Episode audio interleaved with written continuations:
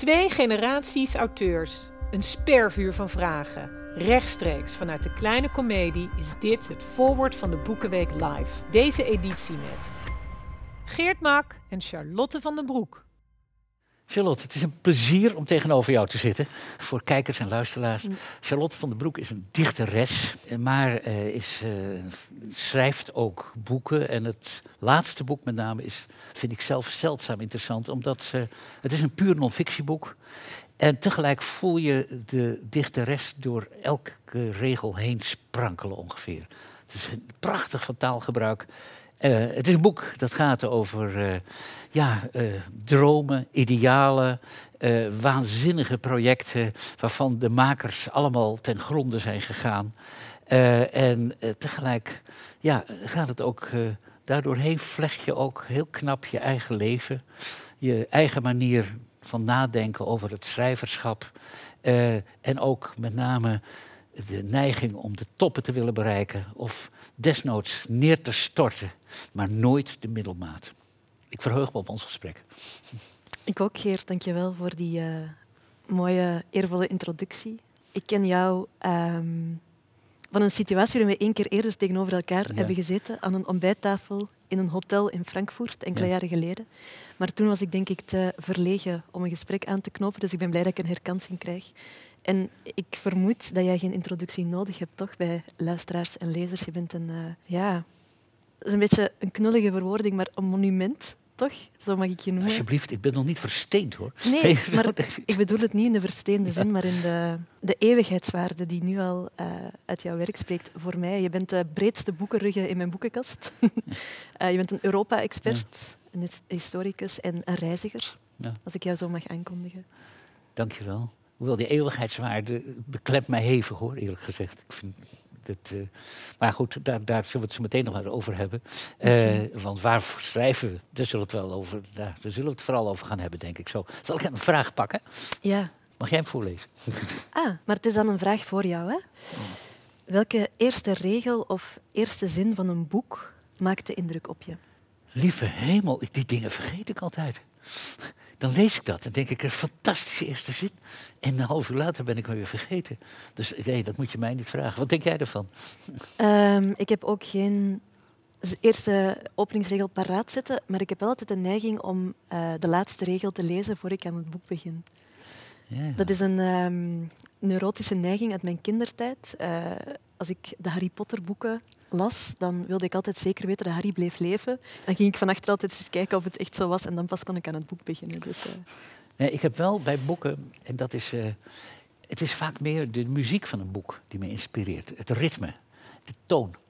Dat, dat helpt mij wel enorm. Dus ik heb soms een gevoel, eh, dat, eh, dat, dat heb je bij wielerwedstrijden ook, dat echt een heel goed boek, ook een klassieker, dat, dat een Jozef Rood, eh, bijvoorbeeld, eh, een, bekende journalist, schrijver uit de jaren dertig, ja, dat hij op een oude motorfiets voor me zit en voor me uitrijdt en me uit de wind houdt.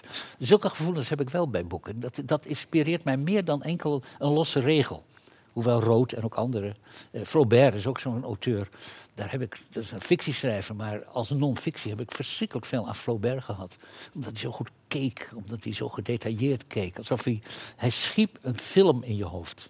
En dat, eh, dat vind ik fantastisch. dus het is eerder een beeld dat blijft hangen dan een, eh, een treffende zin. Ja, ja, en associaties. En ook de toon en ritme, die vind ik ook, dat vind ik ook heel belangrijk. En bijvoorbeeld bij, bij, eh, bij jouw boek ehm, vind ik de compositie, eh, en dat is misschien ja, als, als eh, collega-auteur, hoeveel verschillende genres, want ik heb nooit poëzie ge- geschreven. Maar je kijkt altijd onder de motorkap. En, en dan zie ik dat, dat jouw boek zo prachtig is gecomponeerd. Dat, het, dat die overgangen zo ontzettend goed in elkaar zitten. En ja, daar word ik geweldig vrolijk van. Ja, dat is eh, mijn dichterlijke neiging, denk ik. Eh, als ik poëzie schrijf, is dat een soort associatie circus in mijn hoofd. En nu ging het dan om associatie van grotere teksteenheden die dan in elkaar Ja. eh, gespiegeld of eh, gepast konden worden. Dat vond ik een heel fijn proces, dat ik iets uit mijn dichterschap kon inzetten in iets heel registrerends. Ja, maar dat zie je ook. Trouwens ook aan je, aan je woordgebruik. Dat is ook zo jaloersmakend spits. Mooi. Nou- Heb jij dat ook? Heb jij dat ook dat een boek, als je dat aan het schrijven bent, als het goed is, is het net een, een, een vuurtje dat je stookt en dan gaat opeens gaat de schoorsteen trekken. En ik heb het tenminste bij een boek op bepaalde momenten, er ontstaan momenten dat het boek zichzelf schrijft. En dat het geschreven wil worden. En dat het mij bijna ontglipt. Ja. Ken je dat verschijnsel? Nee, integendeel. Voor mij is het heel, eh, een heel moeizaam, sleur, sleurend proces altijd. Ik, eh, zo die magie van alles in één keer op papier zetten, dat is me helaas niet gegeven. En de schoorsteen, ik herken het dat je zo'n beeld wilt geven en dan eh, dus het soort mechaniekje dat je in gang zet of zo. Bij mij is het een soort, ehm, een soort kudde. Ja. Ehm, misschien zijn het paarden, ik weet het Ja. niet. Of als paarden te bestemmen dieren. ja, dat vind ik wel mooi beeld. Ja. ehm, die eh, aan het draven zijn ja. op weg naar een drinkplaats of ergens waar ze naartoe kunnen. En eh, op een bepaald moment zijn die paarden moe. Dan Ja. moeten ze rusten en dan kunnen ze weer verder. Ja, ik heb het beeld van paarden ook wel. Dat je, het, nou, maar meer dat, een paard, dat je een paard in de hand moet houden. Dat het boek anders onder mijn vingers weggaloppeert. Ja. En dat ik allerlei eh, uithoeken ga bekle- betreden die eigenlijk niet passen in het verhaal. En, maar ja, opnieuw, als het goed gaat, dan, dan, dan wil het boek verder. En, eh, nou, het bekende verhaal is altijd van, van eh Tolstoy, die een sociëteit in, in Moskou binnenrent, zijn hoed, in een hoek smijt en dan roept: Heren, heren. Eh, nu heeft die Anna Karenina zich verrempeld voor de trein gegooid. Hè? Dat, dat, dat is, dat is, dan zie je dat in optima forma, dat effect. Zullen we Ja. nog een kaartje nemen? ja, over Tolstoy gesproken. Ja. Voor we een kaartje nemen. Nou, zo, ehm, dat hoeft ook niet. Nee, mij een van de meest eh, beklijvendste scènes uit een Ja. boek, dat is dan geen openingsregel, zit voor mij in Anna Karenina als Ja. ehm, haar geliefde die, eh, die paardenrace waar hij aan deelneemt. En hij, eh, zij zit in het publiek en ze kijkt toe. En er wordt heel ehm, fysiek beschreven hoe hij dat paard sneller en sneller aanment. En op een bepaald moment komt hij zo hard op de paardenrug neer dat de rug van dat paard breekt. Dus dat is misschien ook nog een mooie metafoor om het over metafoor, ja. onze schrijvers eh, drang te hebben, zeg Ja. maar. Jij Ja. beschreef het ook trouwens wel, het schrijven ja, met het beklimmen van een touw, een klimtouw. En zo nu is het rafelig. Het Mm. touw blijft wel, blijft wel intact, maar het is, eh, eh, ja, het is zwoegen. Maar je loopt zelf brandwonden op Ja, van het klimmen. Ja. Maar jij, ik merk ik ook in je boek, eh, je schrijft inderdaad de middelmaat, dat, eh, dat nooit. De top. Of, Altijd of- het ultieme. of de diepte. Ja, ja. Ja. ja. Hoe kijk jij naar middelmaat? Dat wil ik ook niet. Nee. Ik heb wel, dat is, dat is gek. Ik, op een gegeven moment kreeg ik inderdaad wel veel succes. En dat geeft je grote vrijheid, maar het is ook geweldig beklemmend. Eh, want je, je lezers en, en alles en het hele circus eromheen, dat verwacht al maar weer dat je een beter boek schrijft. En je, je, je moet. Ik, kreeg er, ik ben er nu weer overheen, maar ik heb een poos er last van gehad. Ik wou gewoon een boek schrijven waar ik ook totaal op mijn bek kon gaan. Dat het helemaal misging. Dat, dat gewoon dat je risico's neemt. En eh, dat is een. eh, John Steinbeck heeft wel eens gezegd, toen had, kreeg hij zelf ook veel succes. eh, nu snap ik eindelijk waarom een auteur eh, na een groot succes geen enkele fatsoenlijke regel meer schrijft. En ik las dat, ik dacht, verdraaid, je hebt gelijk. Dat, dat, het, is, het is een heel gek effect van succes. En heb je ondertussen je mislukte boek kunnen schrijven? Nee, ik, eh, het, het- het is een kwestie ook van moed hebben. Eh, en als ik niet uitkijk, val ik terug op een, het ambachtelijkheid van het schrijven. Wat ik heel erg leuk vind. Hoor. Dat, dat, ik hou, mijn, mijn familie dat bestond allemaal uit ambachtslieden, zeilmakers, dat soort mensen. En ik, ik, ik hou er wel van. Maar tegelijk, eh, ja, het, het, bijvoorbeeld nu zit ik te aarzelen welke vorm ik ga kiezen. En het kan wel eens zijn dat ik in deze vorm totaal op mijn bek ga. Ja, dat Misschien, moet maar eens een keer gebeuren. Kan het een episch dichtwerk worden? Nee, nee, nee. Het is, het is ja, het dichtwerk. eh, bij het soort non-fictie wat ik bedrijf, eh, zit je altijd heel erg op de rand van. Eh, het moet ongelooflijk mooi en speels en goed geschreven worden. Maar als je het net te veel doet, dan wordt het kitsch. En ook het onderwerp. Dat is ook heel vaak. eh, bijvoorbeeld een boek als, over een dorp wat ik ooit geschreven heb, die over Jorwert. Dat heb ik vrij poëtisch geschreven. Ik heb ook echt taal van die boeren er erg in vervlochten. Maar daarna een boek over de Europese geschiedenis in Europa.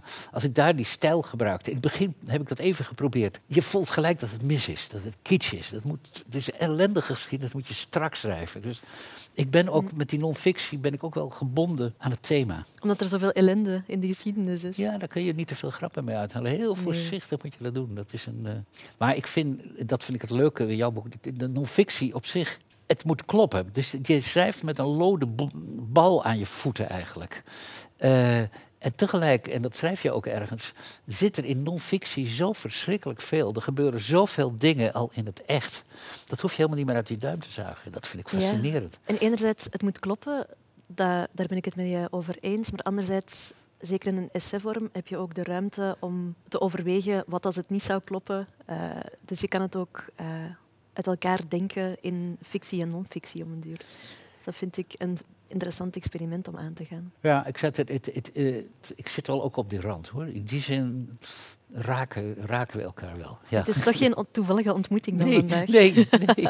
Zullen we nog met zo'n kaartje proberen? Ja, nu moet jij dan aan mij een vraag stellen, denk ik. Wat is je lievelingsplek in Europa?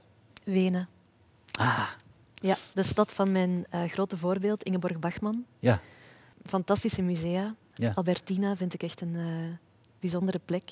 En ja, het is een, een heel lang soort de navel van Europa geweest. Ja. En daar komen heel veel sentimenten samen, vind ik. Um, ik heb ook twee gebouwen uit mijn boek. Uh, staan ook niet toevallig in Wenen, denk ik. De Rossauer-kazerne en de, de Weense Staatsopera. Ja, daar zou ik elk jaar meerdere malen naartoe kunnen gaan, mocht ik willen. En jij? Heb jij een lievelingsplek? Uh, als je me zo vraagt... Uh, ik uh, ik ben veel van Berlijn gaan houden. Nooit gedacht. het is echt een, een, een, stad die broeit van de geschiedenis. Heel groen ook. Uh, ja. Op een rare manier ben ik mij daar enorm in die stad gaan hechten. Maar verder, ja, uh, waar ik altijd nog van droom is Odessa. Jeetje, Mickey, wat een mooie stad is dat, zeg. Daar ben ik nog niet geweest. Oh, dat ligt daar aan de zee. En ja, dat is, tenminste, dat is het oude stuk van Odessa. Daar loop je echt aan de hand van Pastovsky en van Isaac Babel. De hm. literatuur begint daar, uh, uh, ja, die aan alle kanten vlieg je die om de oren. En een hele uh, mooie gemengde stad ook. Uh, Joods, Oekraïens, Russisch, maar ook Franse en Italiaanse invloeden. Het is een, een, voorbeeld van de dynamiek die een, een echt een, letterlijk een multiculturele stad kan krijgen. De mensen in Odessa zeggen ook nooit dat ze uit Oekraïne komen of vroeger uit de Sovjet-Unie. Ze zeiden altijd, ik kom van Odessa. Dat is, ja. En dat... Dus ik, ben, ik, hoop ooit er nog een keer heen te... Ik weet nog goed dat ik... We voeren toen, mijn vrouw en ik voeren toen op een schip van Istanbul naar Odessa. Een raar vrachtschip. En op die... Op die, uh, die uh, reddings... Uh, ja, wat hoe noem je die dingen? Die, die reddingsbanden die je daar hebt. En op de, de sloep en alles stond Odessa, Odessa. Maar hart ging sneller kloppen. en dat klopte ook. Er zit ook een klop in, hè? Odessa. Odessa. Ja, ja, het is wel fijn. Fantastisch. Ja. Nee, ik kan het je aanraden hoor. Ik ken een Odessa uit uh, een boek dat ik in mijn jeugd heel erg koesterde. Uh, Everything is Illuminated van Jonathan ja. Safran Foer. En dat gaat heel erg ook over uh, drie generaties in een familie die Joodse roots hebben, die dan terugvoeren naar Oekraïne ook, naar een shtetl daar. Ja. En dat, was, dat werd dan heel erg zo magisch realistisch uh, verteld. En uh, de grootmoeder in dat verhaal uh, had op een bepaald moment een geliefde die een ongeluk had in een houtwerkplaats. En die had een cirkelzaag door zijn hoofd gekregen. Maar die bleef verder gewoon leven. Ja. Dus zij moest dan samenleven met een man met een cirkelzaag in het hoofd. En afgezien van het feit dat hij veel hoofdpijn had door dat voorwerp, was het alleen maar moeilijk om... Uh, moest ze alleen maar voorzichtig zijn in bed als ze naast hem probeerde te slapen, vond ik. Fantastisch beeld dat op die manier met Odessa in mijn hoofd samenhangt. Ja, ja. Heel mooi. Een vraag. Oeh. Het is een dilemma, denk ik. Structuur of intuïtie? Beide. Ja, ik begin, als ik een boek, met een boek begin, dan begin ik het echt, dan, dan, dan gaat het echt in het stijgen. Dan begin ik een structuur te bouwen. Uh, uh, waar ik me ook veilig in voel. En daarna kan er van alles gebeuren en veranderen. Dus die structuur ook. Maar dat begin heb ik en dan kan ik binnen die structuur ook spelen en, en dollen wat ik wil. Want ik, ik heb dat ook nodig, omdat die boeken vooral de laatste jaren bestaan toch uit een geweldige berg feiten en feitjes en, en, en ideeën. En dat moet, dat moet op een bepaalde manier gestructureerd worden. Uh, maar daarna volg ik enorm een intuïtie, uh, wat het ritme van de taal betreft. En dan dan zet, die, zet ik die knop intuïtie helemaal volop aan. En heb je ook Inclusief alles wat ik wegmik, dat ook. Ja, en heb je ook intuïtie nodig om tot die feitjes te komen? Ja. Daar herinner ik heel erg uit mijn eigen zoektocht of mijn eigen onderzoek. Dat, um, dat om tot feiten te komen je eigenlijk ook al heel veel intuïtie nodig hebt. De plekken waar je gaat zoeken of de dingen die je aanvoelt die samen zouden kunnen horen. Of, daar zit ook al een hele speelpret. Maar heb jij dat ook als je zoektocht? Dat je uh, op een gegeven moment ben je helemaal geobsedeerd en dan let ik op alles wat glimt. Ik kijk, je vliegt over dat veld heen uh, van je onderwerp en denk, oh, dat kan ik gebruiken en dat en dat. En dit misschien toch weer net niet. Maar, of dit kan wel eens heel. En dat is inderdaad voor een heel groot deel intuïtie. Ja. Maar het begin van jouw boek is naar mijn gevoel ook al. Het begint al met uh, de intuïtie van dit kan wel eens een thema zijn. Klopt dat? Ja, dat is, mijn boek begint met een heimatverhaal. Ja. Um, het gaat eigenlijk heel erg over jouw leven. Ja, en ook over de, leuk ook. een verhaal uit de plek waar ik ben opgegroeid. Ja. En op een bepaalde manier, ik weet niet of je dat herkent, kan je je dat heel makkelijk toe-eigenen. Ja. Terwijl dat verhaal heeft helemaal niks met mij te maken. Ja. Maar dat heeft mij op een heel um, waanzinnig interessant pad gebracht. Heeft mij van architectuur leren houden. Ja. Heeft mij uh, kennis doen maken met heel tragische, hoogdravende levens. Heeft mij doen reizen. Dus uh, ik weet niet of dat per se intuïtie was of iets wat ik um, gekregen heb door daarop te groeien of zo. Ja, maar het gaat, het gaat verder. Je, je, je, het is ook een thema waar je het boek mee opent. En dat, dat geeft je wel een duw gegeven van... hé, hey, dat kan ik toch eh, overal in Europa en in de wereld... kan ik dit idee toe gaan passen. Dat, dat, volgens mij is dat gewoon een heel goed gevoel geweest. Wat Ja. het boek heeft voortgedreven. Maar als ik dat verhaal niet gehad had vanuit mijn eigen jeugd, dan had ik het nooit gedurfd, denk ik. Want dan Ja. dacht ik, wat, wat, brengt mij dicht bij dat thema? Ja. Eh, ik weet het niet. Dat heb ik ook met, het gek met Europa ook wel een beetje. Maar het heeft ook wel te maken met Europa heb ik bepaalde mensen ontmoet. Waar ik mij zeer solidair mee ben gaan voelen. Ik ben door die reis door Europa eh, ben ik eh, eh, ja, bijna tegen wil en dank veel meer Europeaan geworden eigenlijk. Dat, Tegen wil en dank, zeg je. Ja, want ik ben verder ook wel heel erg een Amst Hollander misschien. Ik ben wel een erg Amsterdammer. En een, een scheutje Fries bloed ook wel door mijn lijf heen.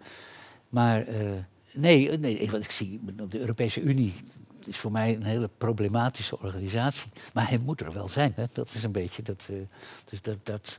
En dat is deels, denk ik, nadenken en, en redeneren. En deels ook gewoon, ja, een, een, een, ik zeg bijna een historische intuïtie. En ook het gevoel hebben dat je naast, ja, je wilt na- naast mensen uit het verleden staan. Proberen iets van hun, eh, ja, hun, hun leven of van wat ze hebben opgebouwd voor te zetten. Eh, en ja, jij doet het ook wel een beetje met, met al die tragische figuren. Daar ben je ook heel solidair mee. Ja, Ja, is het intuïtie, het is ook gevoel, het is empathie. mededogen ook. Ja, mededogen. Ja. Ik zou willen dat als wij over honderden jaren vergeten zijn, Geert, om het over die eeuwigheidswaarde te hebben, dat iemand ook de moeite doet om, eh, om ons te achterhalen. Toch? Ik zou het doodeng vinden. Jij? Laat Ehm, mij maar een beetje spartelen in mijn tijd en daarna. Allee. Dat is mooi gezegd, vind ik, spartelen in je tijd. Nu, ik maak mij verder niet zoveel illusies over ehm, eeuwigheid, maar het is omdat ik ermee bezig ben geweest in, in het boek Ja. zo intensief. Dat ik, ik snap de drang wel heel erg. Of ik heb mij heel erg kunnen inleven in de drang van met name architecten, die toch Ja. meer dan een boek eh, iets voor de eeuwigheid scheppen. Ja, ja. Ergens vind ik het ook wel een avontuurlijk idee of zo. Of iets om te durven. Ja, ja, gek genoeg. Het, het is bij mij per ongeluk. Ik denk, ik, bij mij heb ik heel veel dingen nooit zo gewild. Ik ben er per ongeluk in terechtgekomen. Toen ik Jarwart schreef, heb ik nooit het gevoel gehad, ik ga een klassieker schrijven. Wat het wel geworden is. Maar eh, in die tijd had ik dat idee. Toen, ik, ik probeerde eigenlijk gewoon wat. En dat, dat viel. Op een gegeven moment had ik, en dat is inderdaad intuïtie. Had ik het gevoel dat het boek op een rare manier in balans was. En toen ben ik ook gewoon zo achter een soort toren ben ik achteruit gelopen. en denk, ja, dit, dit, hier moet ik verder niet meer aankomen. Ja. Dat, dat, dus eh, ik zou, als ik dit, het streven zou hebben om boeken voor altijd te schrijven, ik zou niks meer doen.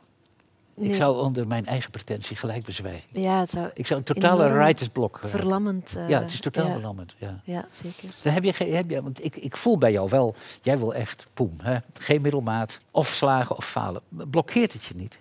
Ehm, de vraag blokkeert mij al. Nu je ze stelt, dus dan kan ik daar alleen maar ja op antwoorden waarschijnlijk. Hè. Ja. Ehm, ja, maar dat is eigenlijk een heel ehm, innerlijk... Dat is iets heel innerlijk. Dat is echt iets wat in mijn wezen zit. Dat is niet zozeer dat ik daar naar de buitenwereld toe conflicten mee heb. Want als ik eh, zou falen in, in, in, voor het publieke oog, zeg maar, dan denk ik eigenlijk dat ik daar best goed mee zou kunnen omgaan. Maar dat is een, een tweestrijd in mijn ehm, overtuiging die eigenlijk met integriteit te maken heeft, denk ik. En niet zozeer met succes of mislukking. Nee. Maar met, ehm, ik wil mij ten opzichte van mijn vak, waar ik heel veel van hou, waardig maken. ja, Ja. dat herken ik enorm. Ja, ja. ja. Dat je, je, de eer van je vak omhoog houdt. Ja, en de rest... eh, Maar heb jij last van het kabaal eromheen? Of gaat het allemaal wel? Eh, het kabaal eromheen. Ja. Waar- Gewoon het boekencircus, de Oh. druk van eh, recensies, recensenten, mensen die, als je wat meer succes hebt, Mm.